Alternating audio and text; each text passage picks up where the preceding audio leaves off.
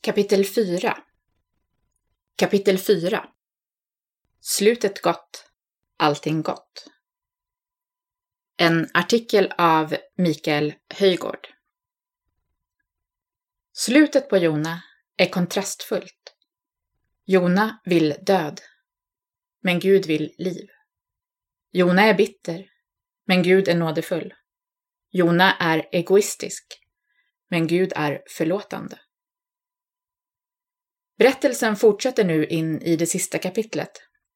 Och man skulle kunna förvänta sig att det hela slutar med orden och så levde de lyckliga i alla sina dagar. Men tvärt läser vi att Jona blir arg på Gud. Hur kan man bli arg på Gud när han förlåter? Jona blir besviken på Gud. Gud blir till besvikelse för Jona. Detta beror på att Jona hade en felaktig uppfattning om vem Gud verkligen är. I slutet av kapitel 3 läste vi att folket i Nineve omvänder sig till Gud och att Gud därför ångrar det onda som han tänkte sända över dem. Jona 3 och 10. Att Gud inte ville utföra detta är för Jona en stor besvikelse. Han tar till och med illa vid sig och blir arg, så arg att han önskar att Gud ska ta hans liv. Hur kan Jona reagera så här? Han är bekant med orden från Andra Moseboken 34 och 6, där Gud beskrivs som en barmhärtig och nådig Gud, sen till vrede och stor i nåd och sanning. Jona lägger själv till att Gud är beredd att ångra det onda. Jona 4 och 2. När Jona får hjälp av Gud prisar han honom. Jona 2 och 3. Men när Gud hjälper hedningarna handlar Gud oförståeligt och oönskat.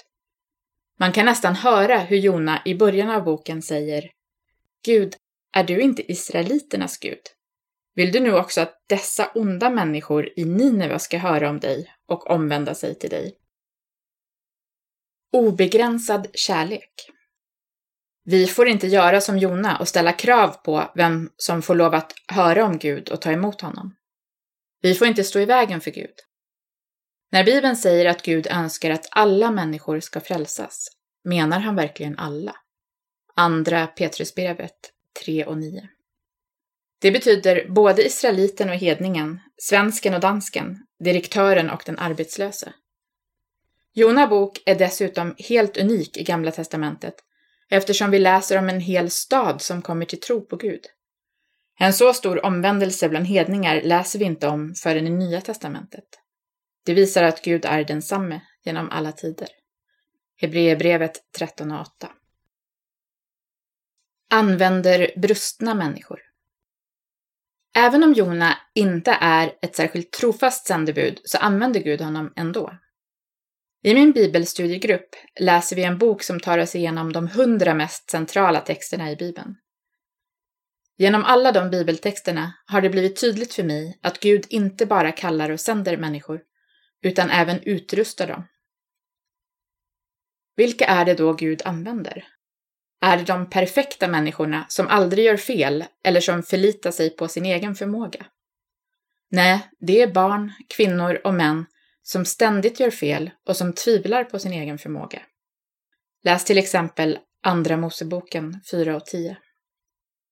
Om Gud kan använda omöjliga Jona med alla sina brister kan han också använda dig och mig.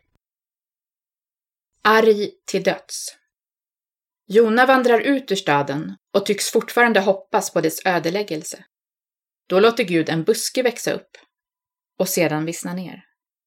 När Jona blir arg över att ha förlorat busken, till och med så arg att han än en gång önskar sig döden, blir Jonas synd ännu tydligare.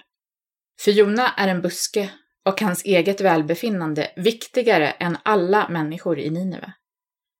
Men Guds karaktär står i kontrast till Jona.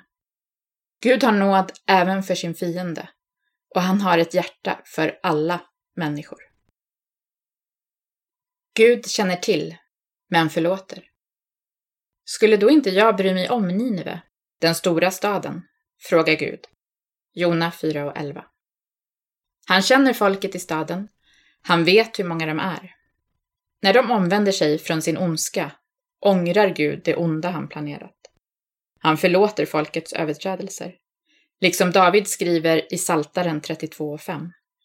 Då erkände jag min synd för dig. Då förlät du mig min syndaskuld. Denna verklighet gäller också oss som känner Gud.